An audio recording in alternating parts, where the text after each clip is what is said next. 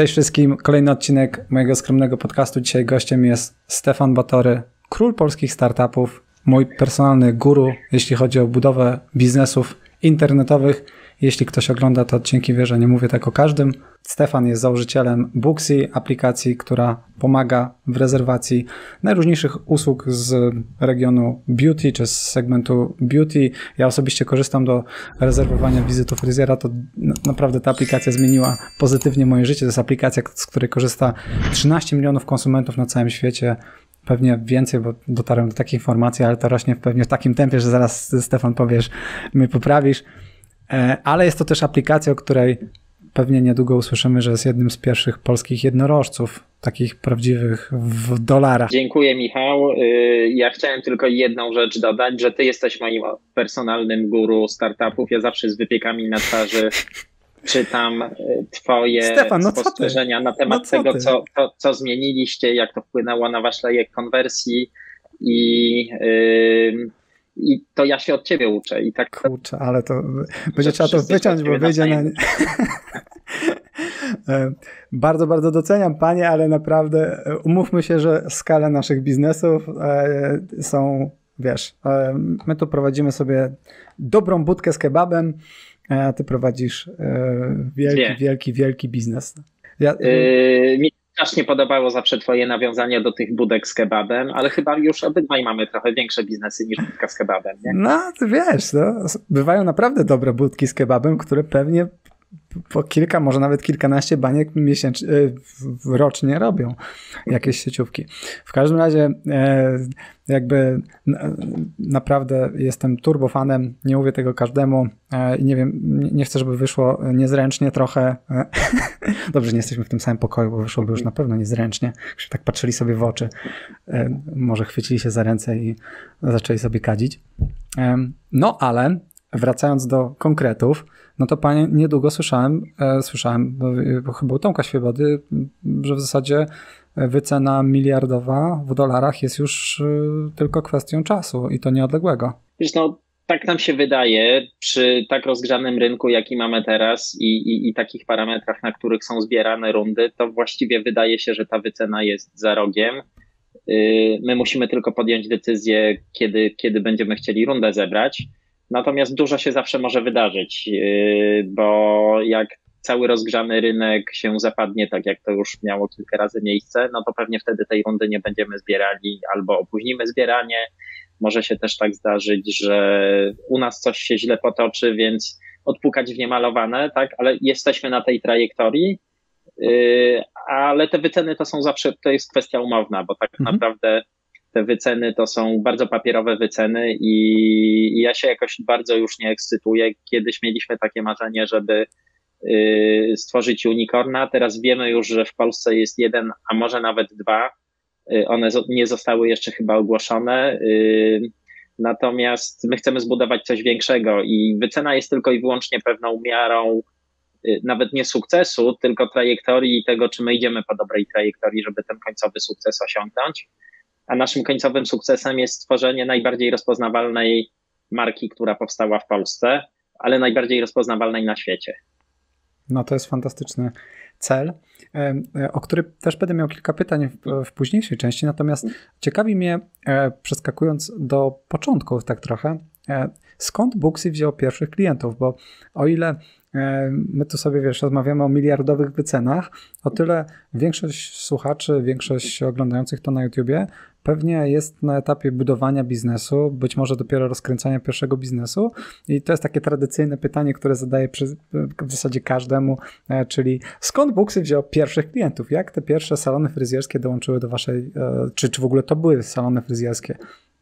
E, tak naprawdę to była masa przypadków, masa błędów, lekcji i doświadczeń wynikających z tych błędów.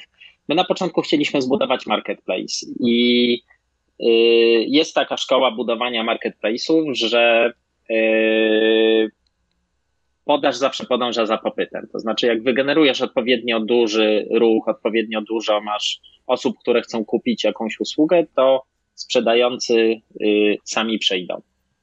I próbowaliśmy ten marketplace zbudować przez dwa, może trzy miesiące, ale nam się nie udało i nie będę teraz wchodził w niuanse działania branży beauty, bo byśmy zanudzili wszystkich, ale bardzo szybko zrozumieliśmy, że w tej branży jakby nie da się zbudować marketplace'u tak, jak się go budowało w wielu innych segmentach, sektorach, nie wiem, taksówkach, hotelach, restauracjach i tak dalej, i tak dalej. I y, zupełnym przypadkiem odezwała się do nas fryzjerka z Los Angeles. My wtedy mieliśmy partnera, z którym próbowaliśmy Booksy sprzedawać y, na Florydzie, centralna mhm. i południowa Floryda. I dosłownie byliśmy w przededniu podjęcia decyzji, co dalej, bo nam to kompletnie nie wyszło i nawet się zastanawialiśmy, czy już nie odpuścić. I ta fryzjerka z Los Angeles się do nas odezwała i powiedziała, że ona zrobiła research, że znalazła nas w App Store, przeczytała wszystko, co było o nas w sieci jej się bardzo aplikacja podoba, bo, bo przejrzała kilka innych i ona chciałaby używać Booksy. Ja pamiętam, jak wtedy przyszedłem do Konrada i mówię, ty, co z nią robimy? No bo tu właściwie zastanawiamy się, czy nie zamykać Booksy, a tu jakaś babka z Los Angeles się odezwała. I my tam nie mamy marketplace'u, nie mieliśmy żadnej sprzedaży, nie, nie uruchamialiśmy kampanii marketingowych, to my jej w ogóle nie dostarczymy y, wartości. A Konrad mówi, no to takie jej odpisz. Ja jej odpisałem i obudziłem się następnego dnia rano i miałem maila od niej, ale ja nie potrzebuję nowych klientów, ja jakby nie chcę być na platformie marketplace'owej, ja potrzebuję dobrego narzędzia do zarządzania moimi obecnymi klientami. My wtedy znowu chwilę porozmawialiśmy z Konradem i stwierdziliśmy, no zobaczymy, no to co pisze brzmi sensownie, ale z drugiej strony trochę sobie nie wyobrażam, jak ona tymi klientami będzie zarządzała przez Booksy. No i od, odblokowaliśmy ten zip code, czyli kod pocztowy, w którym ona miała e, swój barbershop i powiedzieliśmy jej, ok, możesz się rejestrować. No i jakież było nasze zdziwienie, jak się obudziliśmy następnego dnia rano, a ona miała, już nie pamiętam, 15 czy 20 bookingów. I aż sam sprawdzałem w bazie danych, czy to były bookingi testowe, pochodzące wszystkie z tego samego konta, ale tam miałem 15 różnych y, kont, adresów e-mail, telefonów, więc byliśmy naprawdę w dużym szoku, że, że ktoś się z nią zabukował. Następnego dnia znowu sprawdziłem i kolejne 15 bookingów. Następnego dnia znowu i kolejne 15 bookingów. I jakby to był taki moment, kiedy my podjęliśmy decyzję, że ok, nie wyszedł nam model marketplace'owy, ale może wyjdzie sasowy, skoro jest ktoś, kto widzi wartość w używaniu Booksy jako SASa do, do zarządzania swoimi obecnymi klientami i umożliwienia w ten sposób bukowania im przez aplikację, no to spróbujmy, spróbujmy tak. No i później y, jakby było kilka kolejnych takich sytuacji, gdzie metodą trochę prób i błędów jakby uczyliśmy się, gdzie tych klientów szukać i jak ich szukać. Równolegle też uruchomiliśmy Booksy w Polsce, bo to, co mhm. pewnie warto podkreślić, że pierwszym krajem, w którym uruchomiliśmy Booksy były Stany. I w Polsce naszym pierwszym klientem był mój fizjoterapeuta, dzięki któremu w ogóle wymyśliłem Booksy, bo ja się nie mogłem do niego umówić. I zawsze ten proces wow. umawiania był taki koślawy, bo przez telefon albo prze, prze, przez SMS-y, albo dzwoniłem do niego i czasem umówienie się z nim zajmowało mi tydzień a ja chciałem trenować, chciałem biegać, chciałem startować w zawodach i tydzień bez biegania to był dla mnie dramat. No i pamiętam, jak do Michała chodziłem i, i któryś raz już go namawiałem, bo, bo miał na imię Michał. Mówię, Michał, słuchaj, no my już mamy to Booksy przetłumaczone na polski. Ja je właściwie zrobiłem dlatego, żeby rozwiązać mój i twój problem, żeby mi było łatwiej się do ciebie umawiać ale Michał zawsze miał jakąś wymówkę, bo akurat się żenił, bo wyjeżdżał na urlop, bo jechał na jakieś targi i nigdy nie było dobrego momentu, żeby to Booksy u niego wdrożyć. I któregoś dnia, jak leżałem u niego na tym łóżku i on mnie masował, mówię, wiesz co, daj mi login do swojego WordPressa, do swojej strony internetowej, do swojego Facebooka i ja ci tam to Booksy sam wdrożę. No i on mi dał te loginy i powiedziałem mu tylko wieczorem, że słuchaj, jak podepnę ci Booksy, to musisz jedną rzecz zrobić. Tego twojego papierowego kajeciku przepisać te bookingi, które masz, żeby ci się ludzie nie tu podublowali. No ja mu podłączyłem wieczorem, jak wróciłem do domu Booksy, dałem mu znać, no ale on chyba, nie wiem, nie miał czasu, zapomniał, nie miał siły, nie przepisał sobie z tego kajecika. I jak byłem u niego tydzień później, się pytam, i jak? Zadowolony jesteś? On mówi, Jezu, Stefan, przez pierwsze trzy dni to był po prostu Armagedon. Ja myślałem, że cię zamorduję, jak tu przyjdziesz do mnie bo nie wyblokowałem sobie tych terminów, które miałem w papierze zapisane i ludzie do mnie się umawiali, były double bookingi, był po prostu dramat. Ale mówi, po trzech dniach nagle telefony przestały dzwonić, wszystko się uspokoiło. To jest najlepsza rzecz, jaka mnie w życiu spotkała. No ja I mogę... to były to potwierdzić z perspektywy też klienta, że to naprawdę oszczędza gigantyczną ilość czasu, które normalnie spędzałem na SMS-owaniu lub telefonowaniu z fryzjerem, dogadując, czy to jest ten termin, nie, w tym nie może, a w tym mnie nie pasuje. Ko kosmiczne, kosmiczna logistyka, żeby dwóch ludzi zgrać. Wiesz, to, to są z jednej strony bardzo proste rzeczy, no bo umawianie terminów nie jest takie skomplikowane, ale z drugiej strony te kalendarze żyją po obydwu stronach, tak? Mhm. I Y, zanim ktoś tobie odpisze, czy odpowie na SMS-a, tak? Albo ty się teraz nie możesz dodzwonić, a następnego dnia rano y, zapominasz i tydzień później stoisz przed lustrem i sobie przypominasz, że kurczę, miałem się umówić. Jakby jak się weźmie pod uwagę te wszystkie drobne rzeczy, to tak jak mówisz, to jest niesamowite uproszczenie i po stronie zarówno klientów, jak i tych salonów. Natomiast to, co my widzimy po stronie salonów, to, jest, to ma jeszcze większy impact niż po stronie konsumentów, bo nagle ci ludzie odzyskują swoje życie. Nagle oni zamykają drzwi od salonu i mogą, mogą pójść do domu i nie odbierać telefonów, a wcześniej musieli być cały czas na standby, bo jak nie odbierali telefonów od klientów wieczorem, to następnego dnia nie mieli klientów i nie zarabiali pieniędzy. Więc yy, po stronie salonów to była gigantyczna rewolucja. Natomiast znowu pamiętam do tych pierwszych, pa, pamiętam te pierwsze miesiące, czy nawet pierwsze lata, i nasze rozmowy z salonami, którzy, y, które nam mówiły, nie, moi klienci tak nie chcą się umawiać. Y, nie potrzebują tego. A skąd o tym wiesz? No bo oni wszyscy do nas dzwonią od 9 rano do 18. No tak, bo nie dajecie innej możliwości. To co mają zrobić? No tak, ale oni się przyzwyczaili i oni tak wolą. I oni wolą mieć ze mną kontakt osobisty i wolą to wszystko załatwiać przez telefon i porozmawiać, więc no to była olbrzymia praca też edukacyjna, żeby tym salonom pokazać, że tak będzie wygodniej i dla nich, i dla ich klientów. No to jest niesamowite w waszym produkcie, że wy nie tylko um, jakby nie wbijacie się w istniejący segment po, po, tak jak na przykład my wbijamy się w istniejący segment i, i, często rozmawiamy z ludźmi, którzy już monitoring mediów znają, kojarzą i e, e, jakby rozmawiamy jak e, równy z równym, natomiast, a wy musieliście tak naprawdę zbudować segment i e, jakby przekonać ludzi do walki ze swoimi bardzo pewnie mocno zakorzenionymi nawykami, e, jeszcze do tego powiązanymi biznesowo, więc jakby gigantyczne ryzyko potencjalnie, e, żeby przestać nagle odbierać telefon. Wiesz, ludzie się zawsze boją zmiany. Boją mhm. się zmiany, bo boją się utraty kontroli, bo nie wiedzą, jakich klienci na to zareagują. Mhm. Y, nie wiedzą, jak ich pracownicy na to zareagują. Jakby każda zmiana budzi w nas y, obawę, tak? My lubimy jako ludzie, jako gatunek y, siedzieć w takim ciepełku, jest wygodnie, budzę się codziennie rano, wiem, co się będzie działo. I ta zmiana zawsze, zawsze budziła obawy. I jakby to, czego się nauczyliśmy, to że najlepszym motywatorem do zmiany są zawsze klienci. I to, co u nas fenomenalnie zadziałało po tych pierwszych dwóch, trzech latach edukowania rynku i przekonywania, jak się już udało zbudować koło zamachowe i w kilku miastach y, w Polsce, w szczególności we Wrocławiu i w Warszawie, mieliśmy już tą masę krytyczną, to nasi klienci zaczęli to sprzedawać do salonów. I to hmm. był taki moment, w którym wszystko się zmieniło, kompletnie się odwróciły role bo to nie my już musieliśmy edukować salony, tylko nasi klienci, którzy tam chodzili i mówili, Pani Basiu, ale dlaczego ja do Pani nie mogę się umówić przez Booksy? Był... Bo... Sam robię taką robotę.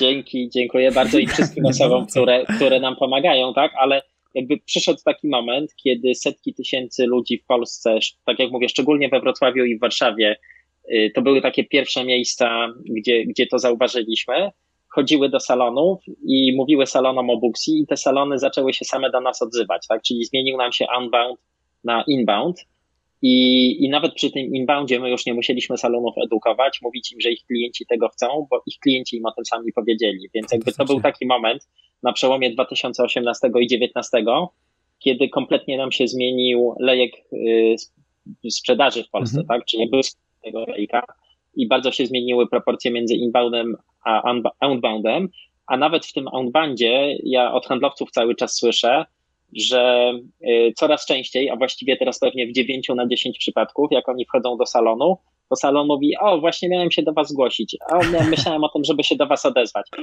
I, I znowu to jest niesamowite, jak działa psychika ludzi, bo jakby oni często już od miesięcy chcieli się do nas odezwać, ale gdzieś tam zawsze była jakaś, nie wiem, wymówka, jakiś powód, żeby tego nie zrobić. I dopiero jak my do nich przyszliśmy, to ten handlowiec już nie musi sprzedawać, nie musi nic tłumaczyć, tylko daje im umowę, umowę i oni się podpisują. No właśnie miałem powiedzieć, jakby... zajebiście być handlowcem buksy, aż e, chciałbym, te, chciałbym tę robotę. Gdzie przychodzisz do klienta, klient mówi, o właśnie, miałem do pana się odezwać.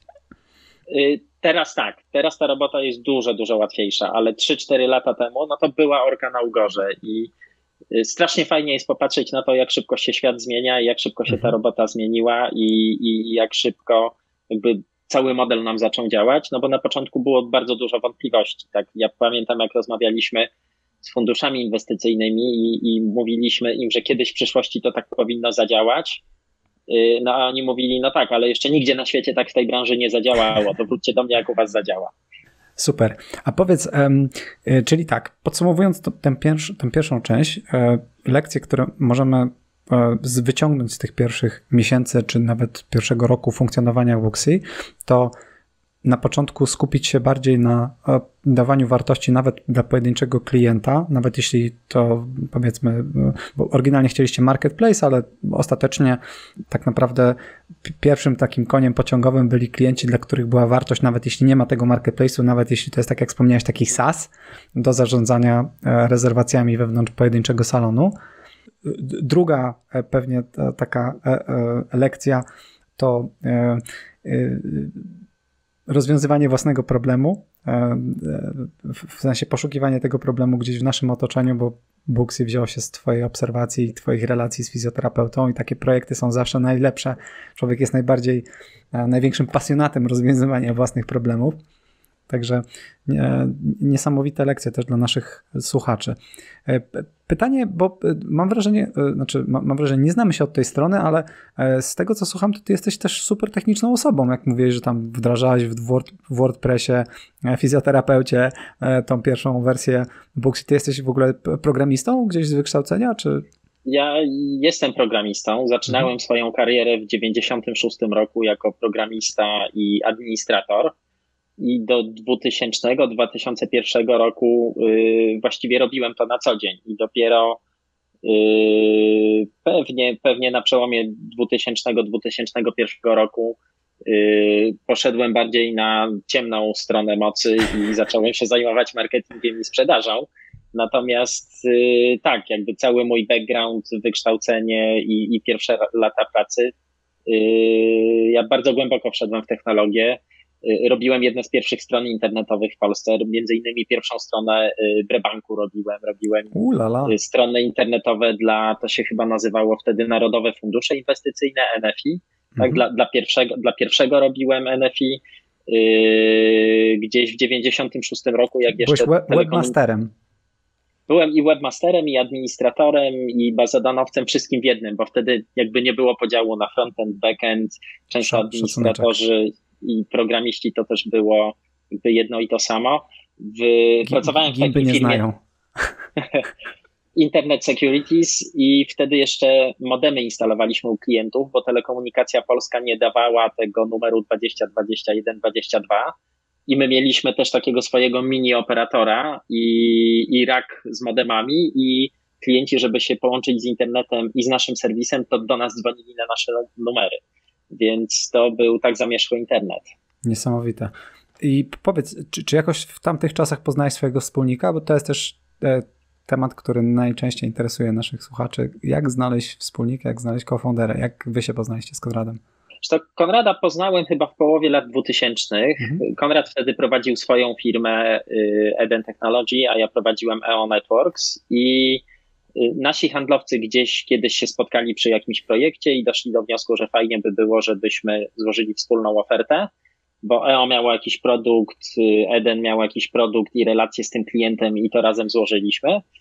I na pewnym etapie, jak coraz częściej i coraz więcej robiliśmy razem, to yy, doszli do wniosku, że pewnie fajnie by było, żeby się też prezesi spotkali i pobłogosławili tą współpracę. I ja się wtedy spotkałem z Konradem, i przez kilka lat po prostu nasze firmy ze sobą współpracowały. Natomiast jak Konrad w pewnym momencie doszedł do wniosku, że yy, chce odejść z Edenu i zacząć robić coś nowego i potrzebował wtedy też chwili przerwy, mi się z nim tak fajnie y, rozmawiało i mieliśmy tak zwaną chemię, że poprosiłem go, żeby dołączył do Sensisoft. To był taki software house, y, który się specjalizował w robieniu stron dla branży classified media, czyli takie mhm. trochę OLX-y, Allegro, generalnie ogłoszenia drobne. Mhm. I, I wtedy poprosiłem, czy zaprosiłem Konrada, żeby ze mną to Sensisoft poprowadził.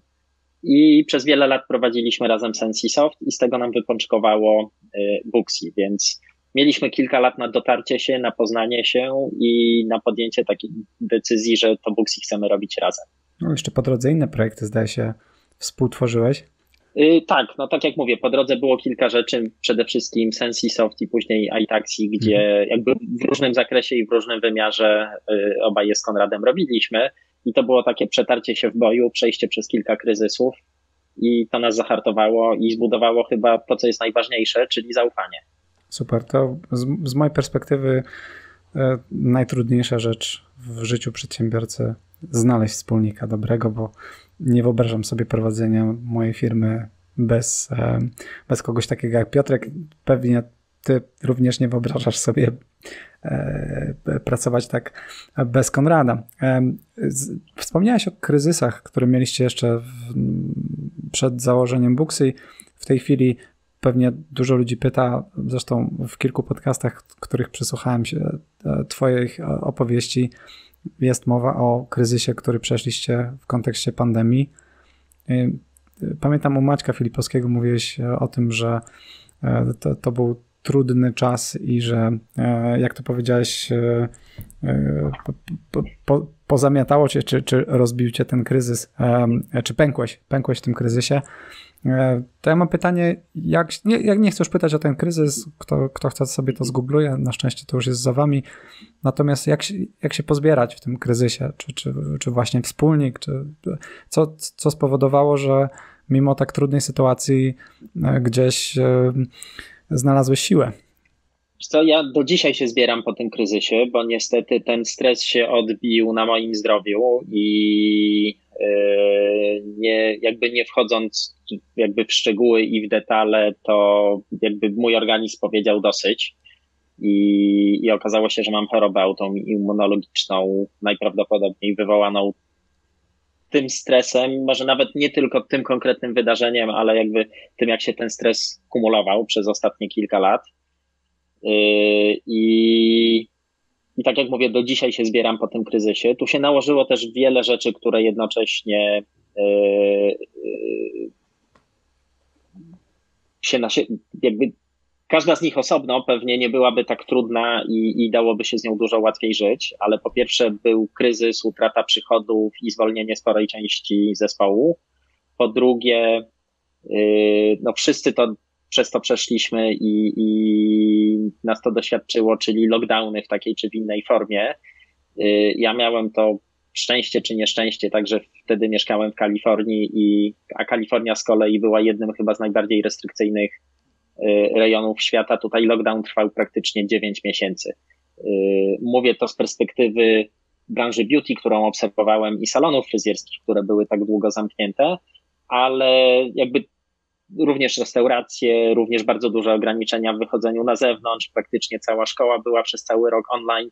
Więc jakby my spędziliśmy cały rok siedząc w domu, dzieci nie chodziły do szkoły, wszystko było przez Zooma, ja przez rok pracowałem przez Zooma i nie widziałem się właściwie z nikim poza moją rodziną. Nawet jakby wyjścia do sklepu były takie bardzo, bardzo yy, yy, dziwne. I gdzieś nałożenie się stresu plus yy, lockdownu i siedzenie w domu praca na Zoomie, która też teraz już wiemy, że jest dużo bardziej wyczerpująca dla naszej psychiki, dla naszego mózgu, który, któremu nagle brakuje jakiejś części ciała i próbuje gdzieś tam w podświadomości do, dogrywać yy, to, jak, jak yy, wyglądają nasze ręce i nogi, znaczy i, i przez to ciężej pracuje i plus kłopoty zdrowotne, bo jeszcze w tym wszystkim przeszedłem przez COVID, jak się te trzy rzeczy złożyły naraz, a przepraszam, i czwartą jednak jest różnica czasu, 9 mhm. godzin różnicy czasu między Polską a Stanami i wstawanie o 5 rano, kiedy tu jeszcze jest ciemno i siedzenie w takiej norce po ciemku, no to nie pomaga, to nie pomaga psychice, więc tutaj było bardzo dużo rzeczy, które się równocześnie wydarzyły i teraz nie ma jednego prostego przepisu na to, jak z tego wyjść, natomiast na pewno pomaga fan zrobienia tego, co się robi, bo gdyby mhm. praca w Booksy i wiara, że to, co robimy, jest komuś potrzebne, że, że, że komuś pomaga w życiu, pomaga mu w rozwoju jego biznesu, pomaga mu y, w maniu więcej czasu dla rodziny, dla bliskich. Gdybym, gdybym w to wszystko nie wierzył i gdybym nie miał tak solidnych fundamentów, to na pewno byłoby mi dużo trudniej z tego kryzysu wyjść. Mhm. Y, druga rzecz to ja musiałem przez chwilę zmienić środowisko i zmienić otoczenie. To było bardzo trudne, bo musiałem zostawić rodzinę. Dzieci tu dalej chodziły do szkoły. Sytuacja była taka, że w pewnym momencie ta szkoła miała wrócić i dzieci, nie, rodzina nie mogła ze mną wyjechać, bo pierwotne plany były takie, że wszyscy razem zmienimy to otoczenie. I, I koniec końców ja sam praktycznie na trzy miesiące wyjechałem po to, żeby zmniejszyć różnicę między yy, mną a, a zespołem w Polsce do 6 godzin na wschodnie wybrzeże, a po drugie, żeby po prostu zmienić środowisko na mniej restrykcyjne. Pomimo tego, że ja jestem dużym zwolennikiem i szczepionek, i maseczek, to jednak w Kalifornii chyba yy, Kalifornia poszła o jeden most za daleko yy, w całym swoim nastawieniu i restrykcyjności. No i yy, ostatnia rzecz, tak, po prostu zabrałem się dużo poważniej za, za swój stan zdrowia, zacząłem się badać i jakby zdiagnozowanie choroby też mi, też mi pomogło i, i dzięki temu yy, mam takie poczucie, że się odbijam od dna, ale jakby jak się te wszystkie rzeczy złoży, to najtrudniejsze w tym wszystkim jest zdanie sobie sprawy z tego, co tak naprawdę jest źle i, i co trzeba zrobić, bo bardzo długo tłumaczyłem sobie swój stan zdrowia właśnie stresem, przemęczeniem, wczesnym wstawaniem rano i, i długo nie wiedziałem, że, yy, że to już nie jest tylko stres, tylko to jest jakiś poważniejszy problem, którym się trzeba zająć, zdiagnozować go i leczyć.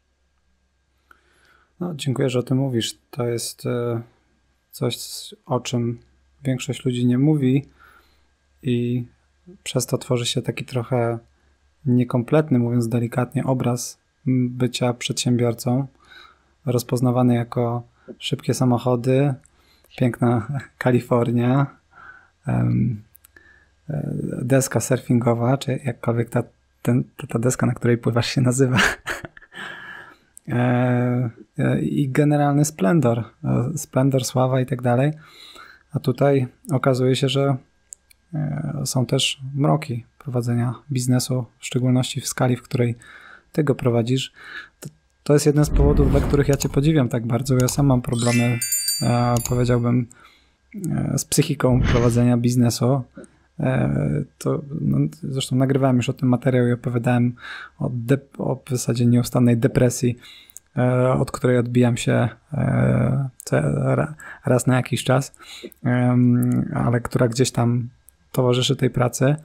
I ja, jeśli ja mam, że tak powiem, potrafię mieć depresję prowadząc biznes, E, warty kilkadziesiąt baniek, to co dopiero musi czuć osoba, która prowadzi biznes miliardowy. I, i to, to, jest dla mnie jakby niepojęte i, dlatego mam tak duży szacunek, a jeszcze większy, że mówisz o tym głośno, bo tak jak mówię, jakby ludzie nie mają świadomości, że trawa wygląda zawsze na bardziej zieloną u kogoś i tak jak mówię, idealizują życie. Wydaje mi się, że ja czy ty mamy wszystko poukładane i nasze życia są takie idealne, że mamy super biznesy i w ogóle robimy co chcemy i w ogóle zero troski i zmartwień. No ale tak trochę jest, no bo to, co piszemy na social mediach, tak, czy, mm. czy to, co mm. zazwyczaj się ukazuje w jakichś wywiadach czy, czy artykułach, to jest nieustające pasmo sukcesów, tak, żeby zebrać kolejne rundy pokazujemy zawsze to, co jest najlepsze w firmie, żeby przyciągnąć pracowników y, tak samo i mhm. gdzieś tam żyjemy w takiej y, jakby otoczce i, i karmimy się tym wszystkim, co widać. Jakby ty jak postujesz no tak. o tym, co poprawiliście, tak, to pokazujesz, jak to zmieniło lejek czy konwersję w pozytywny sposób. Tak? Ja myślę, że gdybyś postował te wszystkie eksperymenty, udały, to ludzie by dopiero zobaczyli, jaki to jest ogrom pracy i że na każdy sukces i, i na każdy test, który wyszedł pozytywnie, pewnie jest 10 albo 20 albo 50 tych, które się zakończyły negatywnie. To I, prawda. i trochę sami tworzymy taki obraz y, biznesu, jakby pokazując innym, że o, zobaczcie, zrobiliśmy testy i konwersja nam się poprawiła. Mhm. No a ludzie później sami robią i być może czują się sfrustrowani, bo oni też zrobili jakiś test i on się nie udał, tak? A my nie piszemy o tym, że 50 innych nam się nie udało. A z drugiej strony, no, też mówienie jakby o, o ciężkich chwilach, o problemach, y, czy zdrowotnych, czy Yy, czy emocjonalnych, no to nie jest coś, co przychodzi łatwo. To nie jest coś, czym się chcemy yy, chwalić, bo nam zaraz przy, przykręcą łatkę wariata, tak? A jak tu zaufać wariatowi, dać mu pieniądze, czy zainwestować w jego firmę, mhm. którą prowadzi na giełdę? Może powinniśmy zaproponować zmianę prezesa, skoro ten ma kłopoty emocjonalne. Znaczy, Więc to, to nie jest łatwe. W mojej ocenie to tylko cię uczłowiecza i sprawia, że jesteś jeszcze większym kozakiem w, w oczach wielu ludzi. E, ja myślę, że w nieodległej przyszłości będziesz e, e, bardziej rozpoznawalny niż Stefan Batory Król, który swoją drogą nie mówił po polsku. Chyba w ogóle. Także masz tę przewagę, że doskonale władasz ojczystym językiem. Ale poważnie bardzo, bardzo dziękuję, że się tym podzieliłeś, bo to no to, to jest ogromna wartość i rzeczywiście za rzadko mówimy o tych, o tych trudach i problemach. Nie chcę też się na nich skupiać, bo, bo to jakby to, to też nie o to chodzi, ale, ale ta świadomość pewnie mówiąc o tym, ratujesz w tej chwili dupę wielu, wielu ludziom, którzy tego słuchają, przechodząc w trudne chwile, które wiemy na drodze przedsiębiorcy zdarzają się nie raz, nie dwa. No na pewno tak jest i chyba największą umiejętnością, którą trzeba w sobie y, jakby zbudować czy wykształcić, jak, jak chce się zostać przedsiębiorcą, to jest umiejętność radzenia sobie z porażkami. Mhm. Y, bardzo mi się podoba, już nie pamiętam, czyj to jest cytat, y, ale że sukces to jest umiejętność przechodzenia od porażki do porażki bez utraty entuzjazmu i chyba na tym się najwięcej osób yy, wykrzacza czy wykoleja, bo po jednej, drugiej, trzeciej, dziesiątej, pięćdziesiątej porażce po prostu się poddają i mówią, ja się do tego nie nadaję. A jakby się nauczyli radzić z tymi porażkami, jakby się nauczyli brać je na klatę, to niewykluczone, żeby osiągnęli sukces, bo w którymś momencie, yy, jak się wyciąga wnioski z popełnionych błędów, tak, jak się coś zmienia i poprawia, to jakby jest bardzo duże prawdopodobieństwo, że się dojdzie do tego sukcesu, mhm. tak że się osiągnie ten zamierzony cel. Oczywiście nie, nie można tego mylić też z uporem, bo jest inne powiedzenie, że dlaczego robiąc coś 100 razy w ten sam sposób i yy, jak ci się to nie udało, zakładasz, że za 101 razem ci się uda, tak? Więc tu jest ta subtelna różnica między powtarzaniem 100 razy tego mhm. samego błędu, a jakby uczeniem się i wyciąganiem wniosków z błędów, co nie oznacza, że tych błędów też nie trzeba popełnić 100 i, i dopiero za 101 razem y, coś nam może wyjść. No ja patrzyłem kiedyś w 2018 roku, podsumowałem rundę, którą wtedy robiliśmy. Zebranie tej rundy zajęło mi grubo ponad rok. Ja się spotkałem z ponad 200 funduszami. I znowu z perspektywy tego, co widać na zewnątrz, tego wierzchołka góry lodowej, no to było widać, że Puxi zebrało rundę, już nie pamiętam, na 10 czy 20 milionów. I, no i wielki sukces, bo fajni inwestorzy i dobra runda i idziemy do przodu, tak? Ale jakby usłyszenie 200, od 200 mądrych ludzi, bo te fundusze zazwyczaj prowadzą mądrzy mhm. ludzie, że nie podoba nam się to, co robicie, nie wierzymy w ten model, nie wierzymy w to, że odniesiecie sukces, bo jest lepsza konkurencja, bo jakby wasz model nie zadziała, bo jeszcze nie widzieliśmy, żeby u kogokolwiek to zadziałało tak, jak wy robicie, no to podkopuje jakby wiarę w to, co robisz, tak? To tak mocno podkopuje, że były takie dni i momenty, kiedy po prostu siedziałem jakby sam jak palec y, w pokoju w San Francisco, bo to jeszcze było przed przeprowadzką mhm. i, i jak przez kilka tygodni codziennie słyszałem kilka razy nie, nie, nie, nie i Y, późnym wieczorem, jak już wracałem do hotelu, nie było do kogo do Polski zadzwonić, bo wszyscy już spali. Y, nie miałem tutaj na miejscu nikogo, z kim mógłbym porozmawiać. To po prostu przez kilka godzin siedziałem sam z tymi myślami i trawiłem to, co mi ci mądrzy ludzie powiedzieli. O, oni mówili, że ich zdaniem się nie uda. Oni mówili, że ich zdaniem nie ma sensu tego robić. Więc to jest emocjonalnie bardzo trudne, tylko albo się wpadnie w taką pętlę i czarną dziurę i da się w nią wciągnąć, tak? Albo, albo znajdziemy jako przedsiębiorcy sposób na wyciągnięcie z tego y, lekcji, na poprawienie czegoś i na zrobienie tego następnym razem lepiej.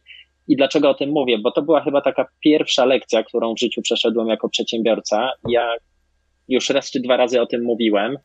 Jak prowadziłem pierwszą firmę i słynne ziemniaki jadłem, i wtedy uczyłem się sprzedaży i dzwoniłem do klientów i raz za razem słyszałem nie. Były takie dni, kiedy ja po prostu bałem się złapać za słuchawkę i bałem się zadzwonić, bo bałem się po raz pięćdziesiąty tego samego dnia usłyszeć nie. A następnego dnia w ogóle od rana siedziałem i się bał wnieść słuchawkę, no bo nikt nie lubi być odrzucony, nikt nie lubi usłyszeć, że jego firma jest nic nie warta, że on jest nic nie wart.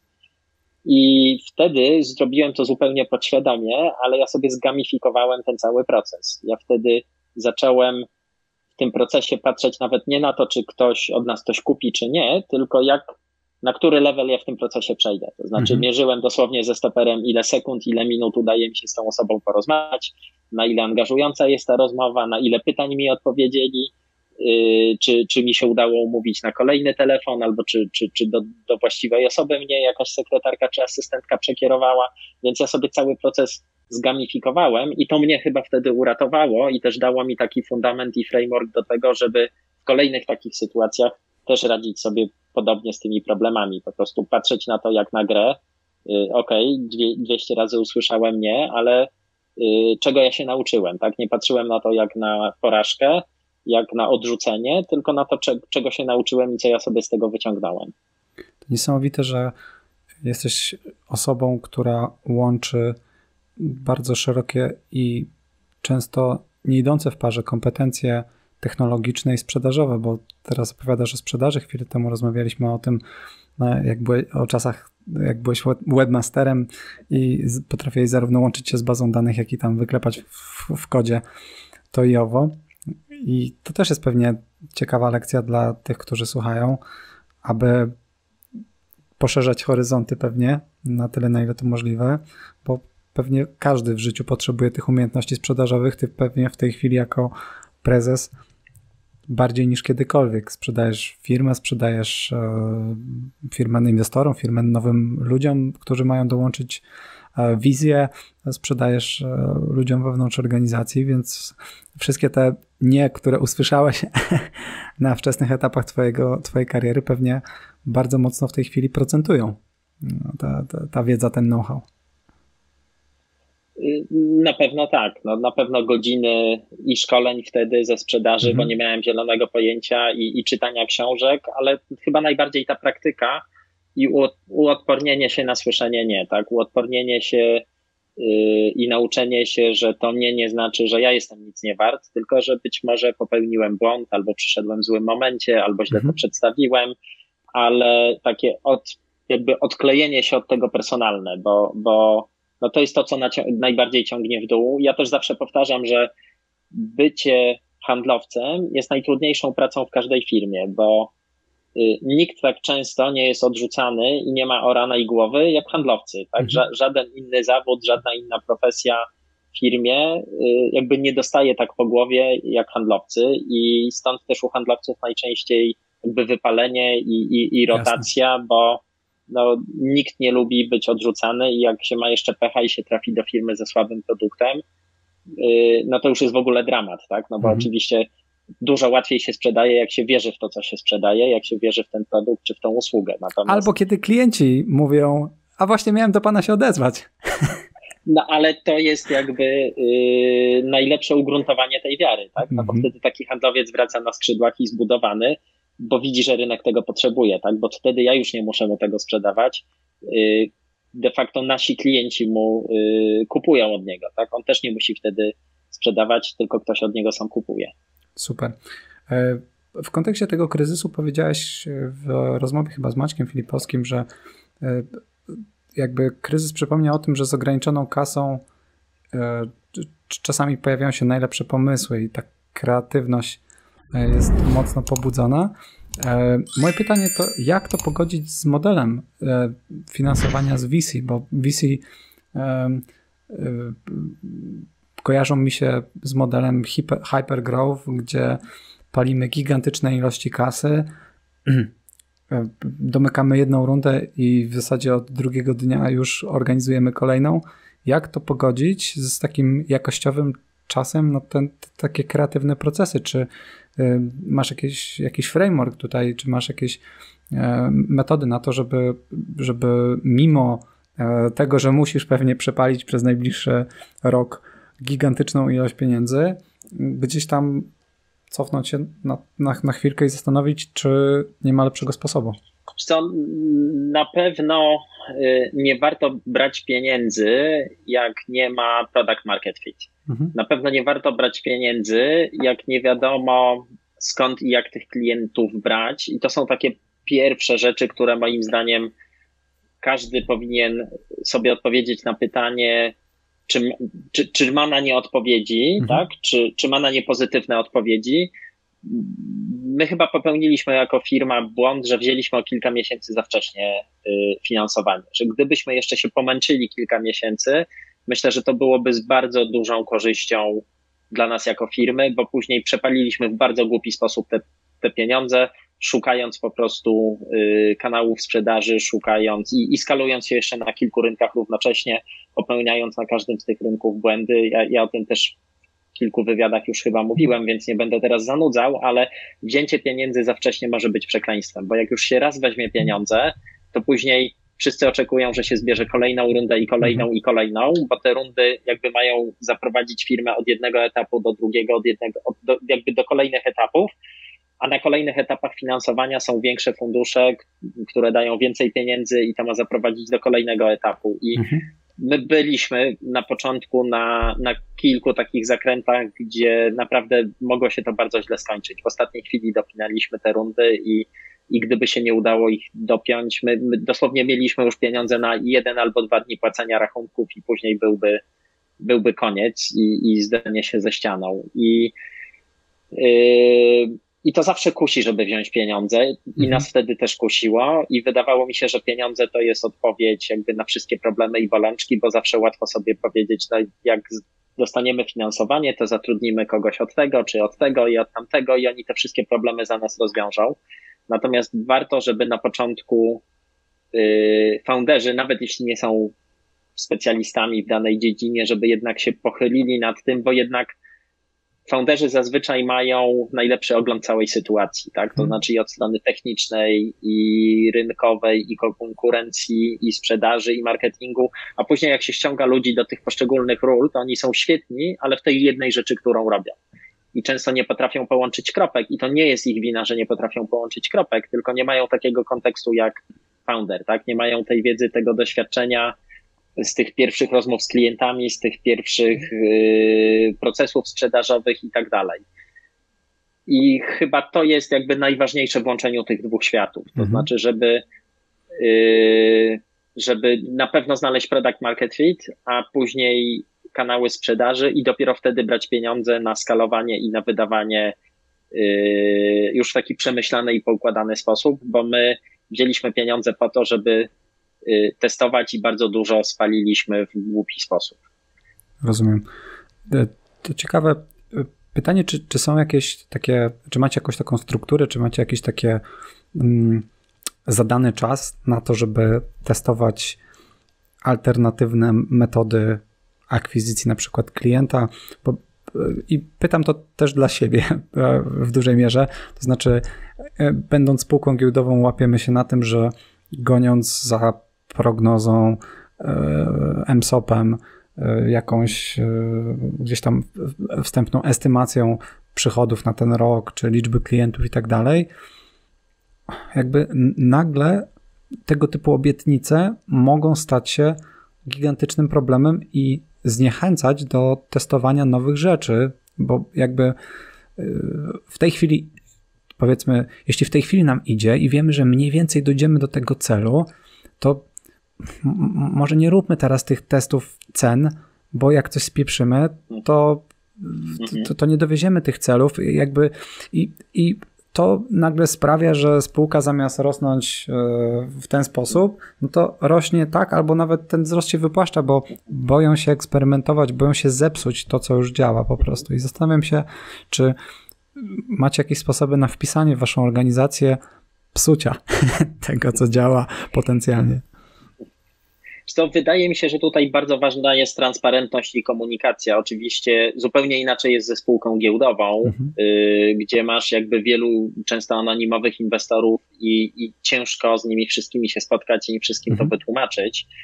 Więc nie wiem, jak w tej sytuacji y, bym się zachował. Natomiast mając jakby konkretnych inwestorów z imienia i nazwiska i fundusze, do których też będziemy pitchowali w kolejnych rundach, ja się teraz jakby uczę, czy, czy, czy niedawno nauczyłem tego, że czym wcześniej im to powiemy i czym y, jakby jaśniej będziemy komunikowali, co jest testem co, i na co może mieć wpływ, tym łatwiej później. Po pierwsze, inwestorzy to rozumieją. Oczywiście wszyscy chcą mieć wzrosty, ale jeśli to jest zakomunikowane przed faktem, a nie po fakcie, na zasadzie, oj, nie udało nam się, ale robiliśmy testy, no to takie tłumaczenie po fakcie jest zawsze odebrane jako usprawiedliwianie. A jeśli to komunikujesz odpowiednio wcześnie, to naprawdę niewielu inwestorów się na to nie zgodzi, no bo każdy woli długoterminowo inwestować i woli, żeby te wzrosty były długoterminowe i, i większość inwestorów jest skłonna poświęcić krótko, czy zaryzykować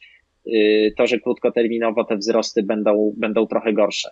Po drugie, y, my jakby na, nauczyliśmy się też w raportowaniu to pokazywać. Mhm. To znaczy, odkładamy taki, taki kubełek na bok i mówimy, to jest budżet na testy, tak? I nie wliczamy tego, nie wiem, do kaka, nie wliczamy tego mhm. jakby do, do kilku innych parametrów, żeby pokazać, że to jest ta nasza stabilna trajektoria i w ten sposób jakby robimy to, czego się nauczyliśmy przez ostatnie lata, a tutaj jest eksperyment, jakby, jakby koszty tego eksperymentu wliczamy w koszty eksperymentu a nie, nie liczymy, nie, nie wiem, do kaka czy do. do yy, Czyli kosztu akwizycji klienta. Mhm. Do, do kosztu akwizycji klienta, ale teraz też zastanawiamy się nawet, czy czern z takich testów też nie wydzielić i nie pokazać go osobno, mhm. bo często mhm. on jest wyższy, tak? Żeby też było pełne zrozumienie u inwestorów, że jakby w spółce się nic nie zepsuło fundamentalnie, Jasne. tylko że nie wyszedł test, bo to jest zupełnie inny komunikat i zupełnie inny sygnał, tak? Pokazywanie wszystkiego w taki sposób zagregowany i na średnich niestety powoduje, że zawsze się tłumaczysz, że nie jesteś wielbłądem i to trochę, y, no to przeszkadza w budowaniu zaufania, bo, bo ludzie traktują to jako y, tłumaczenie się, a, y, a zawsze jakby tłumaczenie po fakcie jest, no smród pozostał, tak? Mhm. To znaczy, niby mówią, że rozumieją, tak, ale mimo wszystko gdzieś tam pozostaje jakieś ziarno wątpliwości, więc pewnie kluczowe jest tutaj zaplanowanie tych testów, pokazanie, jak one będą mierzone, jak one będą rozliczane, pokazanie tego też w bardzo transparentny sposób, czy one się udały, czy się nie udały mhm. i zastanowienie się, na jakie parametry one mogą mieć wpływ i też jakby w inny sposób pokazywanie tych parametrów w kontekście testu. Super cenne info, zapisałem sobie nie wiem, czy dużo ludzi będzie miało tego typu problem słuchających, ale mój problem na pewno istotny rozwiązałeś tymi poradami, więc mega dzięki. E, zastanawiam się jeszcze, e, rozmawiamy dużo o ekspansji zagranicznej. Twój pierwszy rynek to było USA, czy pierwszy rynek Booksy to było USA, dopiero później kolejne rynki. W tej chwili jesteście na całym świecie. Zastanawiam się tak personalnie dla ciebie, gdybyś miał wybrać czy być rozpoznawalnym na przeciętnej imprezie, powiedzmy, branży technologicznej albo branży startupowej w USA lub przeciętnej imprezie branży technologicznej w, w Polsce, które, e, które byś wybrał zakładając, że, że są rozłączne, czyli albo cię rozpoznają tu, albo tu, nie, nie w obu miejscach. Co, no, odpowiedź jest dosyć prosta. Y, jakby jako Booksy zależy nam na wygraniu rynku amerykańskiego, więc jeśli mhm. gdzieś mam być rozpoznawalny, to wolałbym być tutaj rozpoznawalny. Ale nie jako Booksy, I... ty jako Stefan Batory. Ja jako jakby... Stefan Batory, tak. Taki powiedzmy szacunek tak, bo... ludzi ulicy, gdzie chciałbyś mieć? W, w Kalifornii czy, w, czy, czy na, na Pradze? Y, w Kalifornii z prostego powodu. To był jeden z największych y, showstopperów dla amerykańskich inwestorów żeby zainwestować w Booksy, bo za mhm. Booksy nie stali founderzy, którzy mieli tak zwane credibility. To znaczy, my mhm. nie, nie, studiowaliśmy na Stanfordzie ani na Harvardzie, nie pracowaliśmy z tymi ludźmi w Facebooku, w eBayu, w Google'u, w Airbnb i nie, nie założyliśmy wcześniej żadnej firmy, która by odniosła sukces w Stanach. I mówi się o tym, że dla funduszy VC są ważne zawsze trzy rzeczy produkt, rynek i founderzy. Tylko z tych trzech rzeczy najważniejsi są founderzy, bo jak jest dobry team i będzie kłopot z rynkiem czy z produktem, to dobry team go rozwiąże, tak? Mhm. A jak jest świetny produkt na bardzo dużym rynku, ale jest słaby zespół, to jak cokolwiek pójdzie nie tak, to ten słaby zespół sobie z tym nie poradzi. I taka walidacja zespołu, walidacja founderów jest bardzo ważna w świecie VC i tak jak to mówisz, szacunek na dzielni jakby jest jego bardzo praktyczne zastosowanie. On jest po prostu potrzebny po to, żeby jak się pójdzie po pieniądze i ma się pomysł, to dużo łatwiej jest inwestorom dać pieniądze komuś, kto, ja użyję tego, co powiedziałeś, jest rozpoznawalny, tylko mhm. tu nie chodzi o rozpoznawalność jako, rozpo, jako fame, tak, samą w sobie, mhm. tylko właśnie jako takie credibility, tak, że to jest człowiek, który yy, popełnił już kilka błędów, sparzył się yy, na tych błędach, wyciągnął z nich wnioski, nawet jak nie miał sukcesów, tak, dużo się mówi mhm. o tym, że w Stanach chętniej fundusze dadzą pieniądze komuś, kto już trzy razy zbankrutował, y, a w Polsce to jest to absolutnie przekreśla człowieka, tak? To, ale to świetnie pokazuje, dlaczego ta rozpoznawalność y, jest taka ważna. To znaczy, ja na nią patrzę bardziej jako na doświadczenie, ale oczywiście to doświadczenie musi mieć, y, no musi być na jakimś gruncie, który przez, tych, przez te fundusze jest uważany za wiarygodny i, i pewnie rozpoznawalność w jakiś tam sposób to obrazuje, ale to nie chodzi o rozpoznawalność dla samej rozpoznawalności. Wiesz, w Polsce pewnie gdybym poszedł z nowym projektem po pieniądze, to ludzie mi już dadzą na przysłowiowe nazwisko, tak? No bo mhm. zbudowałem już cztery czy pięć spółek, yy, większość z nich była jakimiś tam mniejszymi lub większymi sukcesami. Yy, jedną wprowadziłem na New Connect, drugą sprzedałem, yy, w trzeciej, w czwartej jeszcze jestem, tą czwartą cały czas prowadzę, tak? Ale, mhm. ale jakby mam credibility i zaufanie, tak ludzie wiedzą, że łatwo się nie poddaje, że jak idzie źle, to kombinuję i będę rozwiązywał te problemy. I, yy, i to często wystarczy, żeby zebrać y, rundę na tak zwane piękne oczy. Ja do dziś pamiętam, jak się kiedyś spotkałem, muszę to zanonimizować, tak, ale z ludźmi, którzy odeszli ze znanego portalu nieruchomościowego mhm. amerykańskiego i założyli firmę healthcare'ową, akurat zupełnie inna branża, i ktoś mnie poprosił, żebym się z nimi spotkał i im opowiedział o naszym modelu go-to-market, bo, bo wydawało mu się, że to, co robi Booksy, będzie miało tam duże zastosowanie. No i oni byli pod dużym wrażeniem tego, co my zrobiliśmy i powiedzieli, Stefan, jak kiedykolwiek będziesz potrzebował czegoś, to oczywiście wal do nas jak dym, to my ci, my ci postaramy się zrewanżować. Ja mówię, wiecie co, to mam jedno proste pytanie. Jak wy zebraliście waszą rundę? A oni powiedzieli, wiesz co, to było proste. Zrobiliśmy PowerPointa, poszliśmy do funduszu i tu pada nazwa znanego funduszu, pokazaliśmy im i oni nam dali 8 milionów. Mówię, ale jak? Nie mieliście żadnej trakcji, nie mieliście produktu, jak oni wam dali te pieniądze? No bo my pracowaliśmy w znanej firmie, wiedzieli, że dowozimy tam wyniki. Skoro ta firma nas tam trzymała 5 czy 6 lat, to znaczy, że robiliśmy dobrą robotę, bo inaczej by nas wyrzucili, więc jakby zostaliśmy w ten sposób zwalidowani i dali nam dosłownie na nazwiska i na nasze CV pieniądze. A w drugiej rundzie, i to już mnie w ogóle rozwaliło, bo w kolejnej rundzie zbudowali prototyp, nie mieli jeszcze ani jednego klienta i dostali chyba 20 milionów dolarów.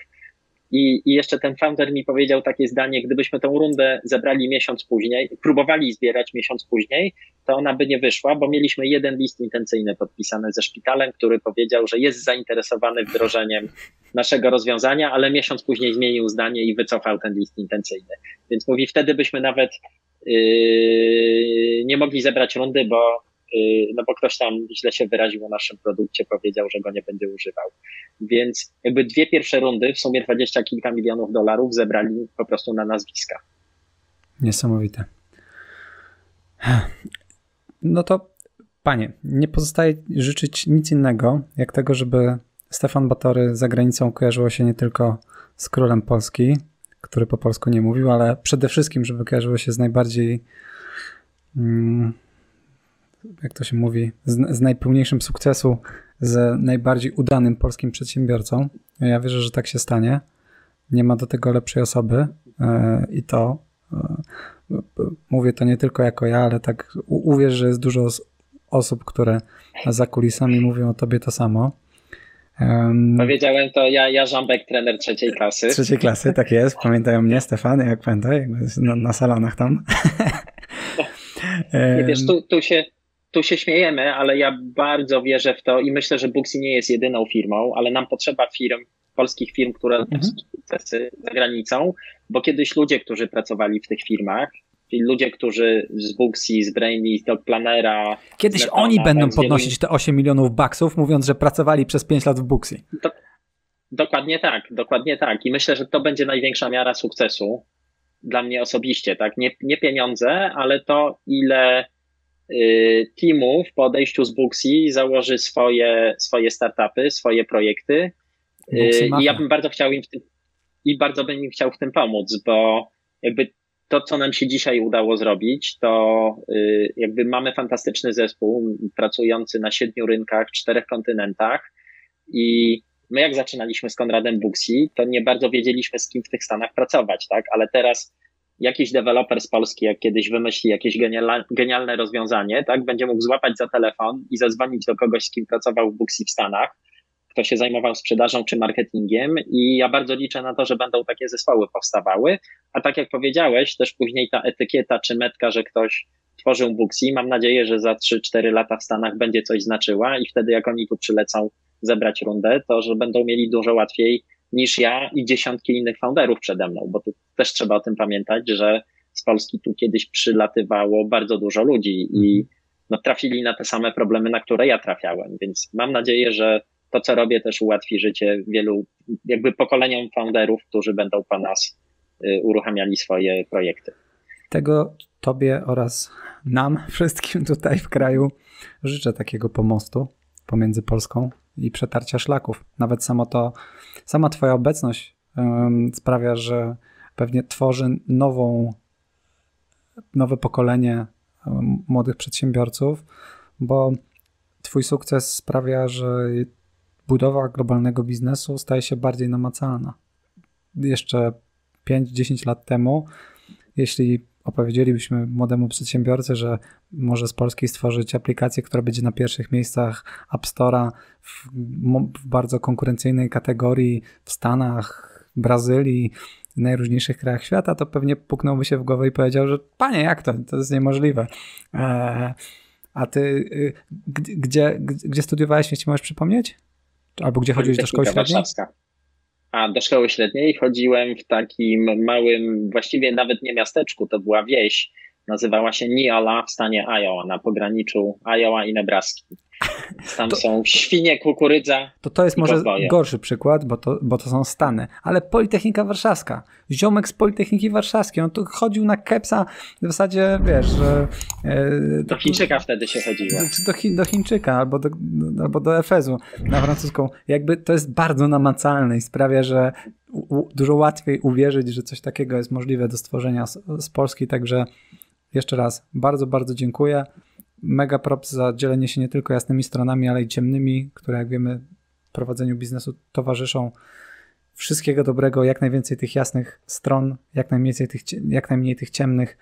E, no i e, trzymamy wszyscy kciuki. E, nie chcę, żeby to zabrzmiało jak coś, co tworzy jakąkolwiek presję, bo jesteś już na etapie, na którym nie możesz, że tak powiem, tutaj, co, co by się nie działo z Booksy, to nie możesz sprawić E, że tak powiem, rodakom zawodu.